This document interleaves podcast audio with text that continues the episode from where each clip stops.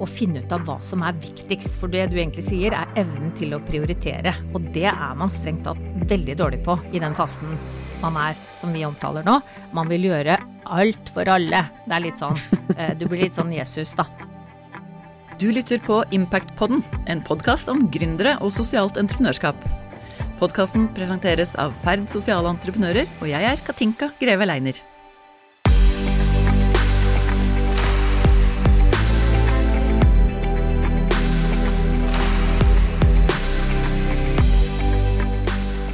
Da er vi tilbake med episode åtte av Impact-poddens andre sesong. Og i dag så skal vi snakke om måling og sosial effekt. Noe av det som skiller en sosial entreprenør fra en vanlig entreprenør, vil jeg påstå. Og jeg har med meg gründerne av Medarbeiderne og Virovap. Begge er i dag forretningsutviklere i Impact Startup. Det er Ferds akselerator for ferske sosiale entreprenører. Chris Klemtvold Sandvik og Lise Arvesen, takk for at dere er med. Tusen takk. Takk. Hvorfor, Chris, skal vi egentlig drive med denne målingen? For meg så handler det om å, å vite at vi gjør det vi skal. Altså, eh, når jeg etablerte medarbeiderne for å, eh, for å skape arbeidsplasser for folk med rusbakgrunn, så må vi liksom vite om det bidrar til det vi ønsker at skal bidra til. Fordi vi kan gå på jobb og tenke at det vi gjør er fint og flott, som, som mange gjør når man jobber i ideell eller frivillig sektor eller i offentlig sektor. Men så er liksom greia at vi har et mål vi har satt oss, og da må vi sjekke gjør vi faktisk de tingene som fører til at vi oppnår det målet. Eh, så i Medarbeiderne har vi på en måte hatt mange diskusjoner opp igjennom på hva det er vi skal måle, og vi har landa på at eh, det viktigste vi måler, det er på en måte arbeidstimer. Eh, hvor mange rusfrie arbeidstimer har vi produsert? Og Det er det letteste å måle, for det kan vi liksom telle i regnskapssystemet. Så måler vi mange andre ting også, men det kan vi kanskje komme tilbake til. Men hvorfor annet du ikke bare på å telle folk, da, liksom? At du hadde så og så mange ansatt som hadde den bakgrunnen? Um, da vil man jo kunne få sånne feil. Da, som si at, ja, okay, ja, La oss si at vi har 100 medarbeidere, eller 200 medarbeidere, men hvis de jobber veldig lite, eller kanskje ikke jobber i det hele tatt, så, så har jo ikke det noen stor effekt. Um, så, og det, det, vi ser på, er jo hvor lenge folk blir hos oss, og vi måler Vi teller hvor, hvor, hvor mange som slutter av hvilke grunner. Sånn at jeg kan fortelle dere nå eksempel at eh, det er 29% av de 112 som har blitt ansatt i Medarbeiderne, har blitt oppsagt av en eller annen grunn. Og jeg vet at eh, 20% er eh, folk som har slutta pga. rus, mens 9% er folk som har slutta av andre grunner. Så det teller sånne ting. Det gjør at vi kan styre virksomheten bedre. Eh, fordi vi, vi, går ikke bare på jobb og liksom eh, styrer bare i blinde og ser at det er penger inn og penger ut, men at, at vi faktisk bidrar til det vi skal. Så det blir en målstyring for deg, rett og slett, det å måle på de sosiale effektene? Ja, helt klart. Og så, og så, er ikke det sånn Det er mange som, Når du sier målstyring, så er det mange som tenker New Public Management, at det er ikke sånn sånn, nå skal vi ha tellekanter på alt. Men det er igjen tilbake til det, liksom, det som skiller eh, medarbeiderne fra en virksomhet som bare driver med, med flytting og renvasking eh, for å tjene penger. Så det, vi gjør det fordi vi skal få til noe. Og da må vi være kritiske til oss sjøl og stille oss sjøl kritiske spørsmål på og telle hele tida uh, på hva vi gjør. Men vi er jo også inne, Chris, på det som alle har lært, at det å telle er jo egentlig det letteste. Mens det du er inne på her, Katinka, som vi ser, er jo det å kunne måle en kvalitativ effekt. Altså hva er ikke tellbart? Eh, når du sier, Chris, at eh, du flytter folk fra inaktiv og ikke har jobb til jobb, så er én ting er at de har jobb, men hva for noe mer skjer med dem? Mm. Hva, hva, skjer inni de folka? Det er jo en, en effekt som, som, er en drivkraft uh, for deg, uh, som jeg tenker og, og, det å sette det i et system og klare å lage et slags regnskap, er jo utrolig mye mer komplisert enn å telle bare tall på mm. folk. Og der er liksom knekkpunktet, mener jeg, Katinka, å komme over i den kvalitative. Hva skjer egentlig med folk? Fortell meg om mestring, eller om glede, eller om ja, bare se håp istedenfor håpløshet. Men da er det jo mange også som tenker at eh, da blir det veldig fort sånn synsing. Mm. For da skal du liksom inn og si ja, ja, har du fått det bedre, eller? ja. eh, hvordan gjør vi det der liksom på en eh, ålreit måte, da? Hva er din erfaring der? Får, får selskapene det til? Det, veldig, det, ligger veldig naturlig, men som du sier, det føles fort litt sånn eh, bla-bla, eller at ikke det blir eh, forskningsbasert, hvis du kan si det, da. At det her blir bare en sånn personlig oppfatning. Men det er klart at når du samler nok data, spør nok, eh, så begynner du etter hvert å få noe evidens. Men så er det jo kjempeviktig å si at når vi i Impact Startup jobber med sosiale målinger, så det første vi går løs på, er jo statistikker som finnes på området for denne målgruppa allerede. Det er jo ikke noe mm. vi liksom skal sitte og begynne en jobb på. Og det finnes masse. Bare IMDi har en rapport på 75 sider med hva de måler på, for å kunne si om noen er integrert. 75 sider! Så det er liksom nok å ta i for å starte. Så det er klart, det her er krevende. Det er, uh, det er, ikke sånn at det er lett å si om du har skapt en effekt for noen som ellers ikke ville oppstått. Men når vi ansetter en medarbeider som har vært i rusbakgrunn, så kan det jo godt hende at de klarer å være rusfri over lengre tid fordi de går i NA eller har en god psykolog. Det er ikke sikkert det er vår fortjeneste at det funker. Uh, men hvis vi ikke måler, hvis vi ikke spør man kan, man kan si liksom, det, er, lett å si at ja, men hvis vi spør folk har du fått det bedre nå, så er det ja, men da sier de ja, vi har fått det bedre, og så liksom, tror man at alt er fint og flott. Eh, men, men, alternativet er jo ikke spørre i det hele tatt. Eh, og ikke være kritisk seg selv i det hele tatt, og ikke få den feedbacken om ting som kanskje ikke fungerer optimalt med løsningen din. da. Det husker jeg faktisk var noe av det som overrasket meg da jeg begynte å jobbe, og vi starta jo med å jobbe mye med barn og unge. Eh, og det å oppleve at ganske store deler av hjelpeapparatet vårt, så, så, blir jo ikke disse unge egentlig spurt om det man hjelper dem med, faktisk hjelper dem. Eller om de tenker på om det hjelper, da. Og så tenker jeg vi har et nå større og større behov for å se helhet. Vi har et uh, kjempebehov for å se hele bildet. Og i dag vil jeg si at det er så mange tiltak, det er så mye som settes i gang. Men det å klare å se hele bildet og begynne å uh, kalle det en sånn teori, en, uh, hvordan en aktivitet kan gjøre en effekt på disse målgruppene, og følge det over lang nok tid. Og der har jeg lyst til å si noe om KS og det jobben de har gjort, Katinka, med utenforregnskapet.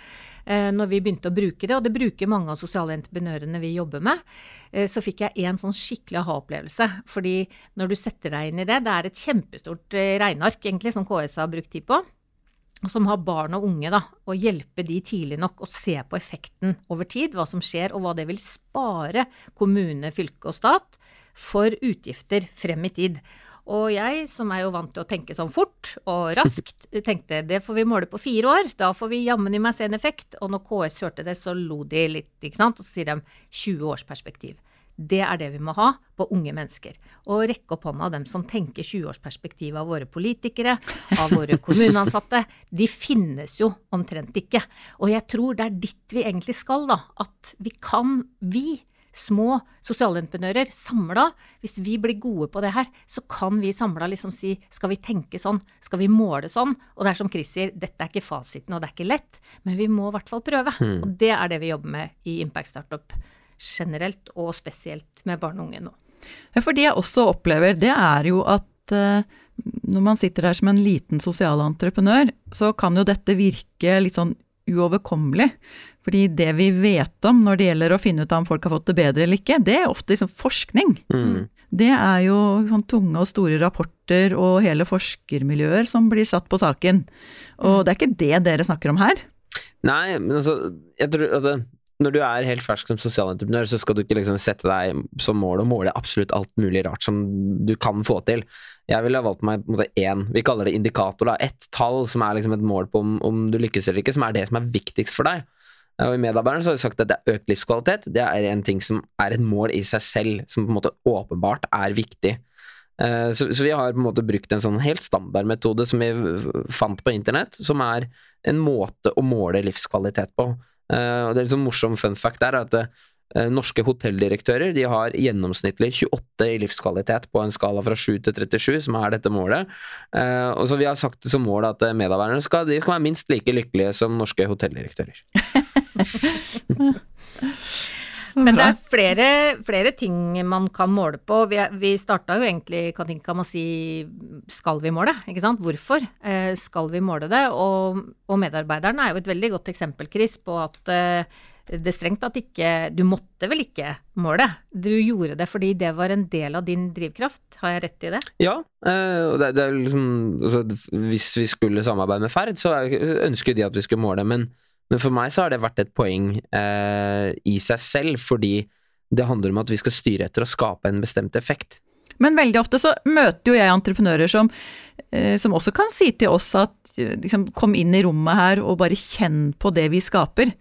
Det, liksom, du vet, du merker effekten. Du ser at folk får det bedre fra gang til gang, da. Mm. Hvis du f.eks. går på noen av disse kursene som Lykseth og Frog har drevet, så, så ser du at mennesker eh, får en progresjon. Eh, hvorfor må vi måle da? Liksom? Nei, da kjenner jeg jeg blir sånn kyniker, da, når jeg sier at eh, til slutt så er det penga som rår. Punktum. Sånn at eh, for medarbeiderne så var det jo eh, kundene, privatkundene, du, dere ringer på dørene, ikke sant, selger på døra et abonnement, får ja eller nei, Chris. Så sånn sett så er jo ikke det en forretningsmodell som krever noen offentlige penger, egentlig.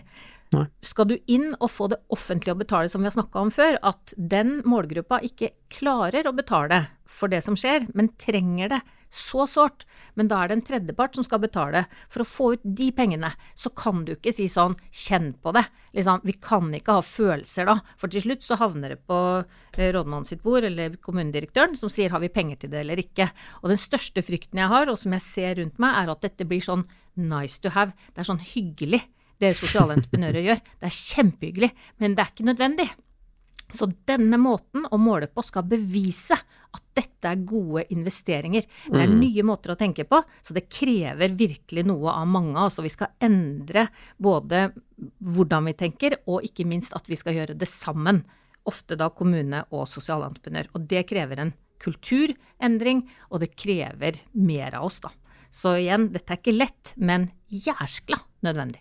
Jeg liker den der revolusjonære røsten der, Lise. På, at, men er jeg, så og, og, men jeg følger deg jo, for det er jo det vi har tenkt også sånn fra Ferds side opp igjennom. At hvis vi skal gå inn og, og jobbe med disse sosiale entreprenørene, så skal vi jo samtidig overbevise andre om at dette er en riktig investering. Både andre investorer, eh, stiftelser og det offentlige. Sant? Til å gå inn og kjøpe disse tjenestene, kjøpe disse aktivitetene. Se at dette er med på å eh, ja, forbedre livet da, til mennesker. Nemlig. Ja, jeg tror vi jeg trenger, den, vi trenger den kombinasjonen mellom de, de gode, fine historiene som virkelig varmer hjertet ditt, og konkrete tall som viser at ja, ok, du har ikke bare hatt 20 eller 30 deltakere på kurset du har laga, men det har skjedd noe med de menneskene som ellers ikke ville skjedd. Det er helt, helt sånn essensielt at vi får på plass det, for det, det er igjen tilbake til det er det som skiller deg fra en, en ordinær gründer som bare holder på med på måte å tjene penger. Men, men så kommer jo den derre Ok, hvordan gjør jeg det, da? Hvis vi nå sier at jo, dette er noe du må ha, for, for du må faktisk bevise at du gjør en god jobb, på et vis. Hmm. Eh, hvordan måler jeg det? Du hadde funnet livskvaliteten på nett, Chris, på hvordan måle på det, men det finnes jo forskjellige måter å gjøre det på, gjør det ikke det? Jo, det er helt klart forskjellige måter å gjøre det på, men hvis du skal måle livskvalitet, så har vi liksom medarbeiderne funnet sånn, en sånn skala med faste spørsmål, sånn at vi kan da sammenligne livskvaliteten eh, subjektivt, riktignok oppgitt av eh, hver enkelt på en dag som kan være god eller dårlig, men vi har funnet en skala. Så vi, vi har satt en dato som vi har satt inn i kalenderen, som er to ganger i året, hvor vi måler livskvalitet. Så måler vi òg idet folk begynner hos oss. Så kan vi se sammenhengen mellom uh, hvordan de har det når de begynner hos oss, og når de har vært hos oss et år, f.eks. Og da er det sånn underindikatorer der, som man kan se på liksom om de føler at de er nyttige, om de føler at de har gode vennskap og relasjoner og sånne ting.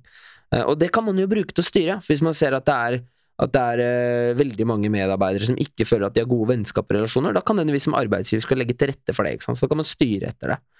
Um, men så er jeg veldig opptatt av det at det er lett å bestemme seg for noen indikatorer, og så er det litt vanskeligere å få det inn i hverdagen. Så jeg har liksom lagt det inn i eh, rutinene, legge det inn i kalenderen.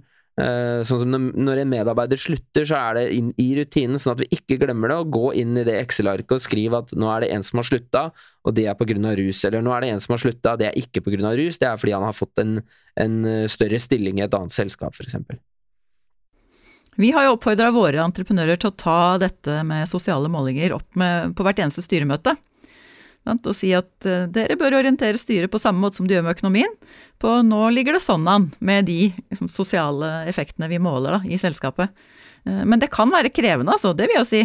Hvordan har dere ordna det i Generasjon M, Lise, rundt hvordan du får til en måling av det de gjør? Du får kanskje minne de som lytter på oss om hva Generasjon M faktisk gjør? Ja, Generasjon M er jo det å skape betalte ungdomsjobber for de mellom 14 og 18 18-19 år, som da eh, har mulighet til å jobbe på lokale sykehjem eh, annenhver lørdag. Så her har vi nå i sving 24 ungdommer nede i Moss, snart eh, også like mange i Indre Østfold, er det som er håpet nå. Um, og mange, over 100 i Oslo. Så nå begynner jo virkelig det å bli en mengde ungdommer som vi kan følge. Men det som er viktig, er at når vi kom til Moss og skulle i gang med 24 ungdomsjobber, som var en stor mengde første gang vi hadde så mange i sving, så var det viktig å snakke med de kommunene som er tett på ungdommer. Og da var det det å finne indikatorer. Det høres som et sånt veldig fjernt ord, men det er egentlig veldig enkle opplevelser av hvordan du har det.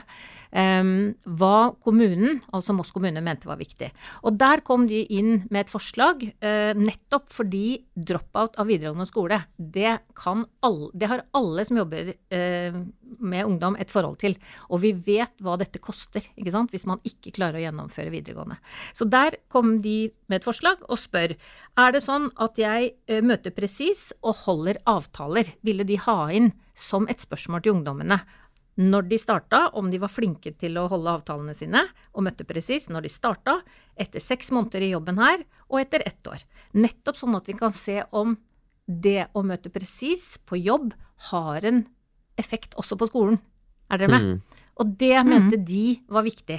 For hvis dette dette med å få ekstrajobb, betyr det, så blir liksom investeringsviljen så mye større fra mm. den kommunen. Fordi én ungdom på utsiden der som ikke klarer å gjennomføre videregående, vil potensielt koste kommunen én million. Og her investerer de heller én million, så 24 ungdommer kan jobbe i et år. Jeg mener, det er jo festlige regnestykker, egentlig. men det betyr, da er det ikke livskvaliteten, men da, de, da tenker de de har en endringsteori på et vis, da, på at hvis du lærer deg å stille presis på jobb, Nemlig. så vil du ta med deg det over som i skolehverdagen din, og faktisk stille mer presis der òg. Nemlig. Fordi mm. du gjennom jobb, som alle har opplevd, og det er jo det som er problemet i dag, disse ungdommene våre får jo ikke jobber. Når du er 14-15 år i dag, så finnes det nesten ikke betalte ekstrajobber. Så bare det å gi noen det ansvaret som de får her, kan da, det er i hvert fall det vi skal følge og måle, også ha en eh, verdi på gjennomføring av egen skolegang, at du tar det ansvaret for egenlæring der. Men da er dette ferske indikatorer og målepunkter, sånn at dere vet ikke helt enda om det faktisk er tilfellet? Nei, det vet vi ikke. Mm. Ja. Og det her, jeg tror det er her det blir så viktig å si at dette er et sånt utforskende arbeid. ikke sant? Det er ikke sånn som vi sier, du, du, vi har regnskapsregler på all økonomi i selskap. Vi har vært innom det og, og skal dvele mer med det. Mm. Du kan ikke jukse med regnskapene dine ikke sant, på tall. Mens på den sosiale biten så er dette her så nytt, og det er mange måter å gjøre det på. Så bare det å komme i gang, og så begynne å dele erfaringene, er mm. viktig. Og det må vi ha et system på, Katinka, for det har vi ikke ennå fått opp å stå. Nei, da, Vi vet jo mye om det som investor nå over flere år, at det å samle sånne indikatorer, da, også når vi har investert i mange forskjellige selskaper, mm. det er ikke lett å f.eks. sammenligne Nei. selskap på disse indikatorene her, fordi man jobber for veldig forskjellige ting. Eh, og internasjonalt så jobbes det jo med mange forskjellige måter også å måle livskvalitet på, f.eks. Så jeg sier at jeg gleder meg jo til man finner CO2-regnskapet, på en måte, eller CO2-tallet da, på livskvalitet. Når alle kan begynne å måle det litt på samme måten. Da begynner vi kanskje å ha noe. Jeg tror det kommer. At vi kommer dit at det blir mer vanlig å måle på. Ja, og min erfaring er jo at ute i kommunene så omfavner de jo denne tankemåten. Det å begynne å sette det opp på den måten her, syns jo de også er kjempespennende. Så det er jo ikke sånn at vi jobber motstrøms der, altså. De åpner armene, og som jeg sier, i Moss kommune så har vi jobba sammen med kommunen om å finne gode indikatorer. Så dette er samskaping på høyt nivå, og, og også det å kunne dele det med andre, ser vi at da kan nærliggende kommune også si ok, hvis dere er, opplever dette, så er vi villige til å teste det, vi også. Og da kan én sosialentreprenør, altså hvis du blir god på å måle, så kan du raskere nå ut til flere, er min teori. Når mm. du får det skriftlig, får et system på det, tenker som et regnskap, da. Ikke sant? Få det inn og være supersystematisk, sånn som Chris sier, og sånn som vi gjør det også i Generasjon M. Men jeg har lyst til å komme med en advarsel også inn i dette, fordi jeg har jo sett veldig mange entreprenører som har kommet til oss og som har for mange ting som de måler på, hvis de først setter i gang og diskuterer liksom ok, hva er det vi er viktige for? Og så kommer det, og så er det fem forskjellige egentlig verdensproblemer de skal løse på én gang. Ja. Det, ikke sant? Vær litt beskjeden, tenker jeg da, på å finne ut hva er den ene viktigste. Start med å være skikkelig god på å på liksom én ting, um, og ikke prøve å fange for mye. Hvis ikke så blir det som eh, jegeren som skulle fange to kaniner samtidig. Da klarer du ikke å fange noen av de. Og det var sånn avklaring i starten av medarbeiderne, for medarbeiderne bidrar jo også til miljøet. Det var sånn spørsmål, ja, skal vi måle miljøresultat og, eh, og det sosiale resultatet? Og da var vi veldig sånn tydelige på at Nei, det vi, det, vi det vi, skal, er å skape arbeidsplasser. Altså Om miljøet er en positiv bivirkning, for da har vi noe å styre etter som liksom peker ut én retning. Og så har det vist seg etter hvert liksom at ja, vi kjøpte en elbil, vi, vi kildesorterer masse, så vi har positiv effekt for miljøet òg, men vi styrer etter å skape arbeidsplasser. Og der har jeg en sånn formaning, hvis jeg kan komme med det, Katinka, eh, til mm de, de som skal i gang, eller er i gang. Og det er igjen å, å finne ut av hva som er viktigst. For det du egentlig sier, er evnen til å prioritere. Og det er man strengt tatt veldig dårlig på i den fasen man er, som vi omtaler nå. Man vil gjøre alt for alle. Det er litt sånn, eh, du blir litt sånn Jesus, da. Men det å velge og, og, gjøre det valget ikke basert på hva du tror, men hva denne målgruppa har fortalt deg. ikke sant? Hva som er viktigst for de. At den er du helt sikker på. Krissa én, jeg sier kanskje to eller tre ting eller indikatorer. Og så kryssjekke det, hvis ikke de kan betale for det sjøl. Hvor, hvor stort er det problemet? Hva koster Mm. den utfordringen kommunen eller fylket i dag? Fordi det å koble det, det behovet med pengesekken er, som vi har sagt mange ganger, hele krukset her. Få til det. Da er du i gang. Flott. Men da må vi prøve å runde av faktisk dagens episode om sosiale målinger. Dette kunne vi nok snakka om mye lenger. Ah, ja. Men det jeg, hører at, det jeg hører at dere sier, det er jo at hvis du virkelig er en sosial entreprenør, så må du jo også bevise, både for deg selv og for andre, at du får til det du sier at du får til. Um, og i tillegg så sier du tydelig, Lisa, at du må også eh, kunne bevise dette fordi du skal selge produktet eller tjenesten din. Sånn at å vite hva kunden er opptatt av, sant? gå dybden der og kjenne, og ikke være helt amatør, men finne hard facts som allerede eksisterer der ute, var du også litt inne på, Chris. Mm. At, at dette, dette, er en god start. Da er du i gang. Mm. Uh, og så får du bestemme for deg selv da, hva, du, hva, som er det du brenner for, og hva som er den viktigste styringsparameteren liksom, i selskapet ditt fremover. Her kan man også be om hjelp, og søke Impact Startup f.eks., som er et miljø som hjelper deg med det her. Ja, da noen begynner å bli gode på det, bedre enn andre, uh, og dette miljøet utvikler seg stadig. Men så bra. Da håper vi at vi har gitt deg som hører på oss noen tanker om hvilken retning du skal ta og noen avgrensninger. Og så skal vi altså i neste episode gå til litt sånn det, all, si, motsatsen da, til dette. For det er jo da tilbake igjen inn i tallenes verden på økonomisiden. Sant? Da skal vi få lov til å dypdykke litt i den andre tingen man må ha orden på når man er en sosialentreprenør, nemlig økonomien. Så da ses vi i neste episode. Takk for nå.